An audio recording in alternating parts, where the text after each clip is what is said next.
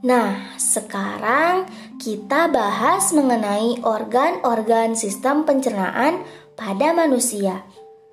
Sistem pencernaan merupakan salah satu sistem kompleks yang terdapat dalam tubuh kita. Nah, apa sajakah bagian-bagian dari sistem pencernaan manusia? Karena tanpa kita sadari dan tanpa harus diperintah, sistem pencernaan bekerja dengan sendirinya.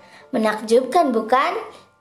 ada enam organ yang menjadi bagian dari proses pencernaan, yaitu mulut, kerongkongan, lambung, usus halus, usus besar, dan terakhir adalah anus. Mari kita bahas organ yang pertama, yaitu mulut. Organ pencernaan pada manusia yang pertama adalah mulut. Fungsi utama mulut adalah menghancurkan makanan dengan bantuan gigi, sehingga ukurannya menjadi lebih kecil dan lebih mudah dipindahkan dari mulut ke lambung. Nah, yang kedua, kerongkongan. Setelah dari mulut, organ selanjutnya adalah kerongkongan. Fungsi utama kerongkongan adalah memindahkan makanan ke dalam lambung dengan gerakan peristaltik. Apa sih gerakan peristaltik?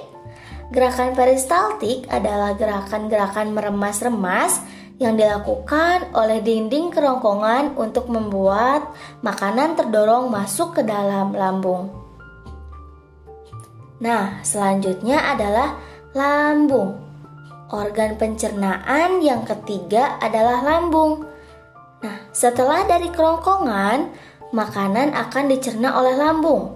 Fungsi utama lambung adalah untuk memecah makanan dan mencampur dengan enzim dan asam.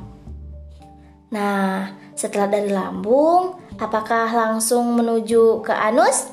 Tidak ya. Jadi, setelah dari lambung, makanan akan dicerna oleh usus halus. Usus halus atau usus kecil adalah bagian dari saluran pencernaan yang terletak di antara lambung dan usus besar. Usus halus terdiri dari tiga bagian, yaitu usus 12 jari atau duodenum, usus kosong atau jejunum, dan usus penyerapan.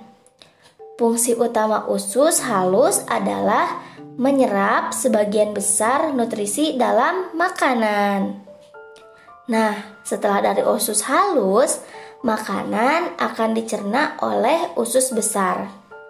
Fungsi utama usus besar adalah penyerapan air dan pembentukan feses.